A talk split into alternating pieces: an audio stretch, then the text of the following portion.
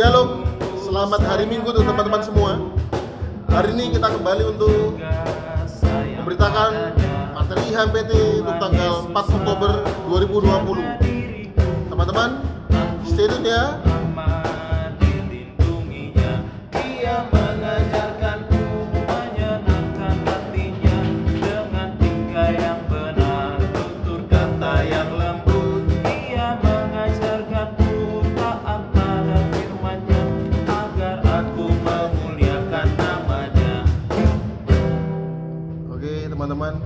Kasih kakak. Kita akan belajar hari ini dari kitab Kisah Para Rasul pasal yang ke-19 ayat pertama sampai ayat yang ke-12. Boleh disiapkan Alkitabnya dan bila Alkitab kita sudah terbuka, kita akan masuk dalam doa. Mari kita berdoa. Bapa, Tuhan kami Yesus Kristus yang bertata dalam Tuhan sorga, kami mengucap syukur, kami berterima kasih Tuhan. Tuhan sudah menjaga, melindungi kami sepanjang hari ini dalam setiap aktivitas kegiatan kami. Tuhan sudah memberikan kami tidur dan malam dari malam tadi hingga bangun pagi ini dengan tubuh yang sehat. Itu semua hanya oleh karena kasih karunia Tuhan semata dalam kehidupan kami. Itu bukan karena kekuatan kami sendiri Tuhan. Dan hari ini Tuhan kami akan belajar materi baru dalam materi IHMPT untuk hari ini Tuhan. Kiranya Tuhan boleh pimpin sertai kami Bapak supaya kami boleh mendengarkan dengan baik. Bahkan materi yang kami pelajari Tuhan boleh kami terapkan dalam kehidupan kami sehari-hari. Dalam nama Tuhan Yesus kami sudah berdoa dan tetap syukur kepada Allah Bapa di surga. Amin. Oke, kita akan baca dari Kisah Para Rasul 19 ayat pertama sampai 12. Kakak-kakak akan bacakan secara bergantian. Teman-teman silakan menyimak dengan baik. Perikopnya adalah Paulus di Efesus. Ketika Apolos masih di Korintus, Paulus sudah menjelajah daerah-daerah pedalaman dan tiba di Efesus. Di situ didapatinya beberapa orang murid.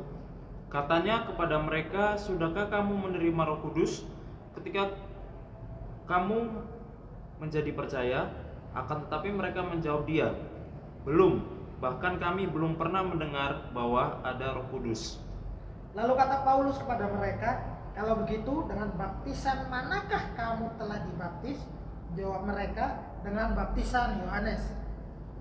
Kata Paulus, baptisan Yohanes adalah baptisan orang yang telah bertobat dan ia berkata kepada orang banyak bahwa mereka harus percaya kepada dia yang datang kemudian daripadanya yaitu Yesus. Ketika mereka mendengar hal itu, mereka memberi diri mereka dibaptis dalam nama Tuhan Yesus.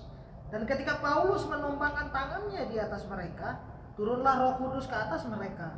Dan mulailah mereka berkata-kata dalam bahasa roh dan bernubuat. Jumlah mereka adalah kira-kira 12 orang.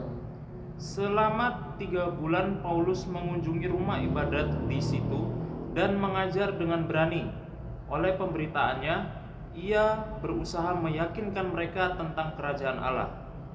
Tetapi ada beberapa orang yang tegar hatinya. Mereka tidak mau diyakinkan, malah mengumpat jalan Tuhan di depan banyak orang.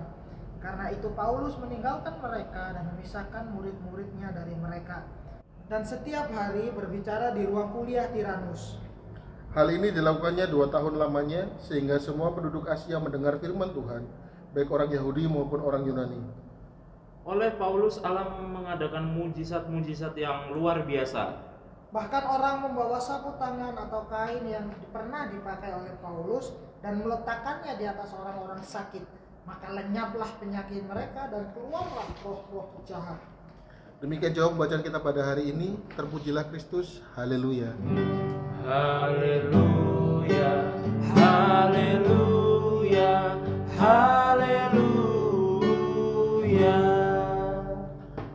Oke, teman-teman, judul pelajaran kita pada hari ini adalah apa pun tantangannya, teruslah memberitakan Injil Kristus. Apa pun tantangannya, teruslah memberitakan Injil Kristus. Nah, Kak Patrick, sebelum kita membahas tentang apa sih yang harus dilakukan oleh teruna dalam bacaan ini, Patrick bisa tak kasih tahu latar belakang dong Ya. tentang Paulus di Efesus ini. Kenapa sampai ada judul pelajaran ini, Kak? Apakah Paulus ini di dicobai atau Paulus ini tidak disukai dan bagaimana? Silakan, Kak. Ya.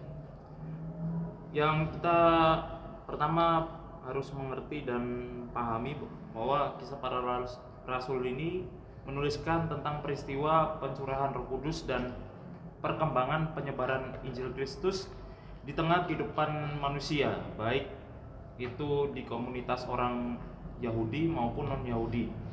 Nah, karena itu tujuan penulisan kitab Kisah Para Rasul ini pertama adalah hendak menunjukkan bahwa Injil Kristus berlaku untuk semua orang di mana pun. Nah, jadi seperti apa yang dilakukan oleh Paulus di kota Efesus, walaupun ia menghadapi banyak tantangan, ia menghadapi banyak pergumulan karena adanya orang yang pro dan kontra tentang eh, tadi kalau dibahas itu di Firman Tuhan itu tentang makna baptisan ya. Kalau tadi itu Iya.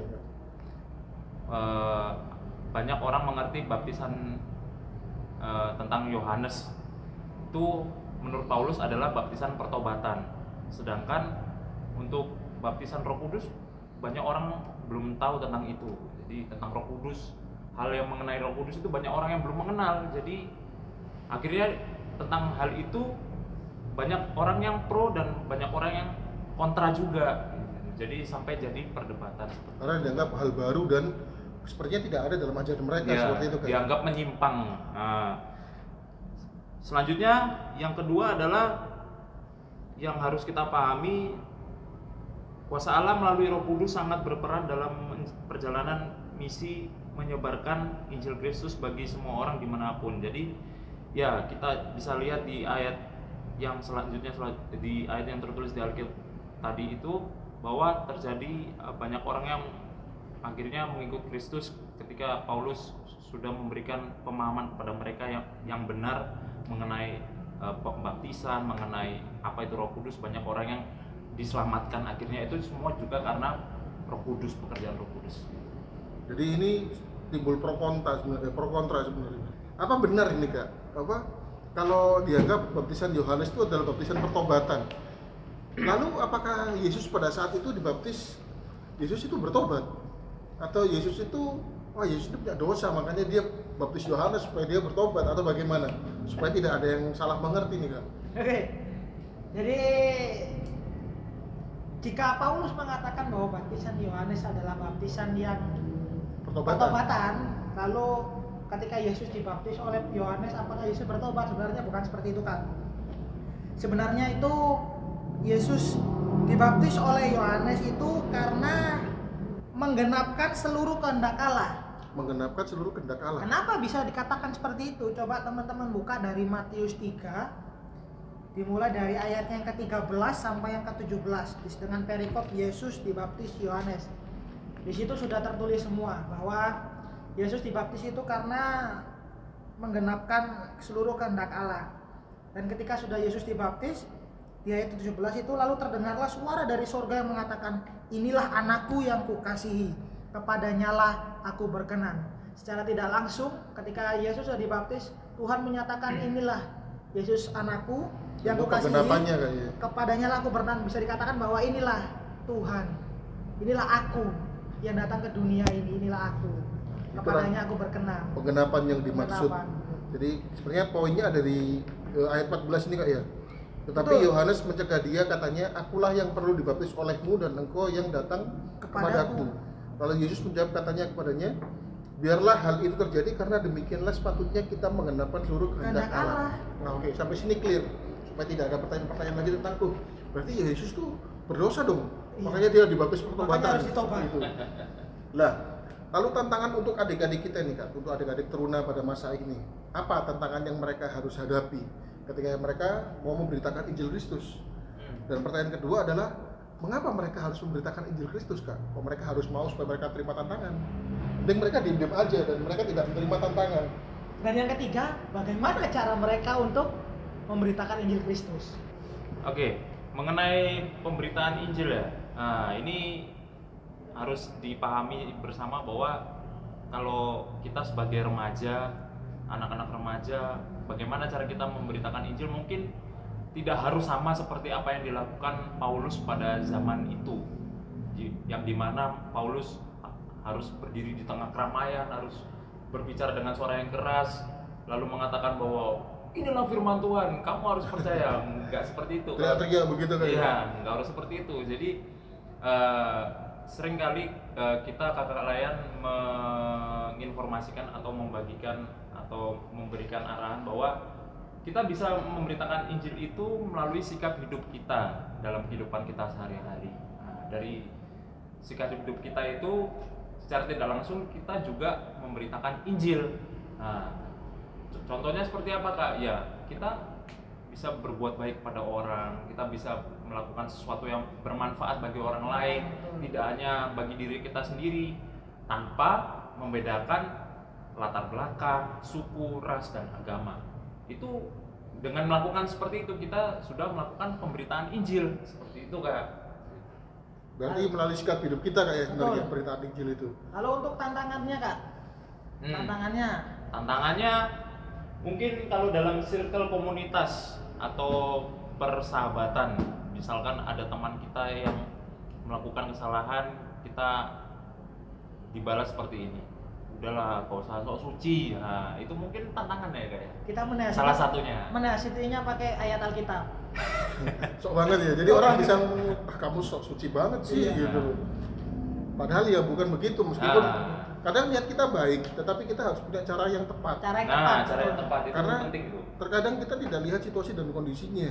Hmm. Seperti yang ketika teman kita patah semangat tadi kak, teman kita punya masalah, teman kita lagi terpuruk banget, kita datang dengan hati yang wah, aku harus bisa menyemangati dia. Tiba-tiba ngomong, teman tenang, kamu semangat dong menjalani ini. Nah, teman itu bisa jawab kak, kamu enak tinggal ngomong semangat semangat. Aku yang ngelakuin, Eh, aku yang ngelakuin, aku yang lagi menjalani ini. bingung harus mau ngapain. Iya. Nah, kita harus tahu situasi dan kondisinya, Kak. Hmm. Yang harus dilakukan apa ketika pada saat itu, Kak? Oke. Yang harus dilakukan di situ menurut Kapten adalah di situ saatnya kita untuk menjadi seorang pendengar yang baik. Pendengar yang baik. Pendengar yang baik. Ketika teman kita patah semangat berarti dia memiliki masalah di dalam hidup. Hidupnya terlampau mungkin dia tidak bisa apa namanya tidak bisa menguasai ya kak ya. Ya. Tidak bisa menguasai lalu dia patah semangat dan di situ ketika kalian menjadi seorang pendengar yang baik, coba kalian katakan ada masalah apa? Sini cerita ke aku. Curhat yuk ke aku sini. Tapi kalian jangan memaksakan kehendak kalian. Ayo ceritain, tidak apa-apa, wis ta, wis ta. Itu namanya bukan pendengar yang baik, itu namanya kalian kepo. Itu namanya. Makso kayak. Makso itu namanya. Artinya pendengar yang baik itu berarti kita cukup mendengarkan Cukup aja. mendengarkan. Teman kita punya masalah terlepas dari kita harus beri solusi atau dia punya Betul. solusi sendiri. Mendengar itu sudah sangat membantu teman kita yang Meringankan masalahnya. meringankan masalahnya. Jangan ketika kalian teman kalian itu curhat ke kalian lalu kalian bilang, Potong wah, lagi." iku sih mending. Aku dulu kayak gini gini gini. Iya. Ah. Kenapa kalian hebat-hebatan dengan apa hal hal Kalian buruk yang kalian itu. alami ya? Itu adu nasib namanya. Aduh nasib jadinya. Nah itu jadi contoh untuk kalian. Lalu kenapa teruna harus memberitakan Injil? Kenapa Teruna harus memberitakan Injil? Karena apa ya? Kalau kita melihat firman Tuhan ini merupakan sesuatu hal yang wajib dilakukan oleh setiap orang yang percaya kepada Yesus. Itu ada kita kenal dengan istilahnya amanat agung kayaknya. Amanat Agung. Bunyinya pergilah Pergilah jadikan seluruh bangsa muridku dan Dan baptislah, baptislah mereka dalam nama Bapa, Putra dan Roh Kudus. Anak dan Roh Kudus. Nah itu jadi bahan yang penting buat kita. Kenapa kita harus tetap memberitakan Injil dan kenapa kita harus mau menerima tantangannya gitu. Nah tadi sudah dijelaskan oleh Kak Patrick bagaimana ketika kita menerima tantangannya apa yang bisa kita perbuat apa kita bisa melakukan hal yang baik atau kita cuma bisa menjadi orang yang adu nasib tadi atau menjadi pendengar yang baik pilihan ada di tangan kalian. Kalau kita kembali dalam Alkitab ini tadi kak. Paulus sempat memisahkan murid-muridnya dengan orang-orang yang eh, tegar hatinya dan tidak mau diyakinkan. Tetapi malah mengumpat. Mengumpat jalan Tuhan di depan orang banyak. Artinya dia malah ngomongin wah kayak gremeng gitu kayak gremeng gak ngenai wah ah, coba coba Paulus wah Paulus ngene opo sih ya. Akhirnya terjadi seperti itu. Tujuan Paulus memisahkan murid-muridnya dari itu sebenarnya apa kak? Bukankah lebih baik loh kenapa nggak terjunkan aja muridnya untuk di apa diberitakan kepada mereka supaya itu membantu? Hmm. apa tujuan Paulus sebenarnya kak? Ya, kalau setelah kalau setelah kakak lihat ya, lihat dan pelajari, ini menurut kakak pribadi bahwa di situ Paulus memberikan pembekalan terlebih dahulu sebelum mereka terjun, sebelum mereka disebar ke tengah-tengah masyarakat yang ada di kota Efesus itu dan di tengah-tengah orang-orang yang istilahnya toksik ini kan toksik ya jadi orang-orang yang seperti itu toksik ya bahasa sekarang ya. Iya kak, supaya ketika mereka sudah dapat pembekalan, mereka juga tidak eh, imannya mereka tidak goyah. Kak. oh betul bagus bagus itu Ketika diserang dengan orang-orang toksik itu dia tidak punya rasa keraguan dalam dirinya. Apalagi kalau menyerangnya tidak bisa menjawab kitanya ya Nah, apalagi nyerangnya rame-rame. Kalau satu-satu kan masih bisa. Kalau Itulah. nyerang rame-rame itu yang bisa. alasan kenapa pendeta itu perlu sekolah Kak? Hmm. ada sekolah teologinya ada Hmm. pendidikan yang dijalani Betul. Hmm. tidak tiba-tiba karena dia rajin ibadah satu bulan dia jadi pendeta Instan gak ya? instan kak ya tidak tiba-tiba karena dia anak pendeta besar dia jadi pendeta Pendeta. Harus ada pelajaran yang didalami gitu kayaknya Jadi nggak yang- sembarang kayak? nggak sembarangan karena yang dihadapi ini adalah masyarakat luas Iya. yang di mana kita hampir tidak bisa menjangkau semuanya Betul. jadi teman-teman pengetahuan itu penting sama seperti yang kita pelajari minggu lalu A- a- awal dari segala pengetahuan adalah Takut akan Tuhan. jadi bukan karena kamu pinter lalu kamu berpengetahuan kamu pintar kamu punya pengetahuan tapi dasar semuanya itu harus dengan takut, Takut akan Tuhan. dari pembekalan tadi artinya yang dijelaskan Kak Patrick murid-murid Paulus ini sudah punya dasar yang kuat ketika mereka harus disebarkan. Kalau kita kembali lagi nih kak kan di situ ada tertulis juga. Dan ketika Paulus menumpangkan tangan di atas mereka turunlah Roh Kudus ke atas mereka. Dan mulailah mereka berkata-kata dalam bahasa roh dan bernubuat. Hmm. apakah dasar dari apa namanya orang percaya dan dibaptis dalam Roh Kudus mereka harus bisa bernubuat berbahasa roh dan berkata-kata dengan bahasa yang tidak kita ketahui kan Hmm. bagaimana? Eh, itu kembali lagi ke pemahaman masing-masing kayak kalau menurut kakak, menurut eh, kakak pribadi. Kembali lagi ke pemahaman masing-masing karena ini masih jadi perdebatan sampai saat ini kak ya. Ada yang bilang bahwa oh bahasa roh itu penting dalam suatu ibadah ada yang bilang bahwa oh bahasa roh bukan seperti itu. Wah bahasa roh ya. ini. ya pokoknya masih jadi pembahasan yang hangat dan perdebatan yang hangat sampai saat ini sih kak. Mungkin itu nanti bisa kita terapkan dalam perikop-perikop yang mungkin membahas ini langsung nggak ya. Betul. Nah, juga yang menarik adalah ketika banyak orang yang akhirnya membawa sapu tangan Paulus tadi yang diberitakan di ayat yang ke-12 untuk menyembuhkan orang, lalu menyiapkan penyakit dan mengusir roh-roh jahat, Kak. hmm. Praktek-praktek ini kalau kita tidak dalami secara benar, maka kita akan melihat bahwa orang-orang ini melakukan praktek gaib. Hmm. Paulus ini punya ilmu gaib atau bagaimana? Padahal tertulis jelas di ayat 11 bahwa oleh Paulus Allah mengadakan mujizat yang luar biasa. Nah, praktek-praktek seperti ini sebenarnya masih ada nggak untuk zaman sekarang ini kak? Apakah Hmm. teruna dalam mencerita, memberitakan Injil ini harus juga dengan mengadakan praktek-praktek Praktek seperti, seperti itu? itu. Aku mau doakan temanku yang sakit, ah, dalam nama Yesus engkau sembuh, kau akan dikuatkan. Kok temanku nggak sembuh ya? Kan beda lagi nanti ceritanya. kan. Tuhan tidak berkenan. Apakah Tuhan tidak berkenan atau bagaimana? ya kalau praktek-praktek seperti itu kayak kepercayaan tentang kalau di firman tadi di ayat yang terakhir itu kan Paulus eh, bahkan orang membawa sapu tangan atau kain nah itu kan artinya kan ada op- apa barang yang dipercayai memiliki kuasa kayak ya. Nah kalau sampai saat ini apakah ada apa enggak? Kepercayaan itu masih ada kak. Banyak orang apalagi di Indonesia ini banyak yang masih percaya tentang hal-hal yang seperti itu. Nah mungkin ya mungkin tidak hanya dalam lingkup dan lingkungan Kristen kayak ya. Mungkin semua agama dan lapisan masyarakat ini banyak yang masih percaya tentang hal ini salah satu beberapa salah satu contohnya beberapa, beberapa tahun lalu itu ada kasusnya atau kejadiannya batu ponari mungkin masih ingat Ya, yang celup air airnya diminum. nah itu Itu kan menjijikkan banget ya kabarnya. Sangat-sangat menjijikan. Sangat menjijikkan kayak. Tapi banyak orang yang percaya. Banyak orang yang wah karena aku pakai batu ponari aku sembuh. Nah kalau itu dalam lingkup luas, dalam lingkup kita pribadi kak, dalam lingkup kekristenan, nah, ada nggak? Atau pernah menemukan nggak orang-orang yang menggunakan hal seperti itu membawa nama Tuhan dan lain-lain untuk menyembuhkan lalu untuk mengusir roh jahat? Bagaimana kak Bro? mungkin ada kak ya.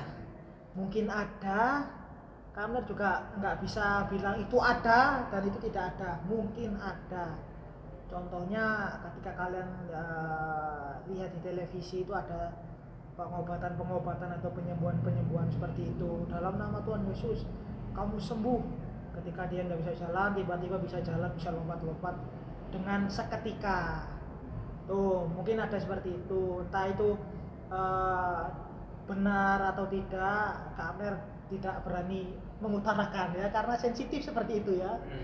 Artinya seperti tadi yang Mbak Saro juga untuk apa namanya penyembuhan-penyembuhan yang mungkin kita lihat di sekitar kita yang membawa nama Tuhan terlepas dari itu benar atau tidak betul mungkin ada mungkin benar terjadi karena Tuhan berkenan mungkin juga ada oknum-oknum yang memanfaatkan nama Tuhan untuk keuntungan pribadi oknum ya Jadi nama oknum. Tuhan dijual kayak. banyak kan nama Banyak, Tuhan Kak. dijual Hmm. mereka bisa aja mengatakan bahwa ini seperti Paulus Paulus juga menyembuhkan kok Hmm. Tuhan juga bilang bahwa apa sembuhkan mereka dalam namaku Hmm. karena nama aku tidak bisa Hmm. mungkin ada yang terjadi seperti itu dan benar-benar terjadi Iya. tetapi kembali bagaimana kita menyikapinya Hmm. dan mungkin ada oknum-oknum lain yang memanfaatkan nama Tuhan untuk keuntungan pribadi jadi Nah. teman-teman harus bisa menyikapi nih mana Ya. yang baik mana yang enggak Jadi kita harus cerdik seperti ular, tulus seperti Merpati. merpati. Nah. Jadi supaya tidak ada perdebatan lagi. Bagaimana pemahaman iman GPIB mengajarkan kita, apalagi teman-teman yang baru CD kemarin, Hmm. teman-teman yang akan masuk CD. Kita perlu belajar itu saja. Tidak usah melihat dari hal-hal yang lain yang tidak dalam lingkup kita sendiri. Oke, KPT ada tambahan lagi? Ya, yang pastinya dalam melayani kita akan menemukan banyak sekali tantangan dan ketika kita mendapati tantangan itu kita harus tetap percaya bahwa Tuhan tidak pernah meninggalkan kita. Bahwa tantangan itu sejatinya adalah ujian iman kita apakah kita tetap setia apakah kita tetap percaya untuk selalu mengandalkan dia. Ya memang tantangan itu harus kita hadapi karena no pain no gain. No pain no gain. yang artinya artinya tanpa tantangan tanpa masalah kita tidak akan pernah eh, bisa tangguh kuat menghadapi hidup ini ya jadi harus ada tantangan nah supaya kita tahu bagaimana kualitas kita, Betul. ah, supaya kita tahu bagaimana lemahnya kita dan kita perbaiki. betul Tapi ingat semua demi kemuliaan nama Tuhan, Nama Tuhan. Tantangan yang membuat kita jatuh mengajarkan kita cara untuk bangkit. Asik. Kabar ada tambahan? Cukup itu tambahannya tadi sudah. Tantangan yang membuat kita jatuh, Mengajarkan kita cara mengajarkan untuk kita bangkit. cara untuk bangkit. Jadi teman-teman tetap lihat Paulus sebagai role model atau contoh kalian meskipun dia tidak banyak disukai orang di Efesus pada saat itu dia tetap bertahan di sana hampir selama tiga tahun dan dia mengajar murid-muridnya dengan baik dan benar itu yang harus kita pelajari tantangan kita mungkin akan datang silih berganti tetapi bagaimana cara kita menghadapi tantangan itu dan kita bisa menang melawan tantangan itu untuk memuliakan nama Tuhan bukan untuk kebesaran nama kita sendiri. Betul. semua yang terjadi oleh perkenanan Tuhan meskipun itu lewat diri kita diri orang lain semua untuk kemuliaan nama Nama Tuhan. Tuhan bukan nama orang tersebut. Oke? Ada tambahan? Kalau tidak ada kita akhiri. Materi hari ini sampai di sini teman-teman dan kita akan menutup materi hari ini dengan satu lagu. Ku mau berjalan dengan juru selamatku. Pak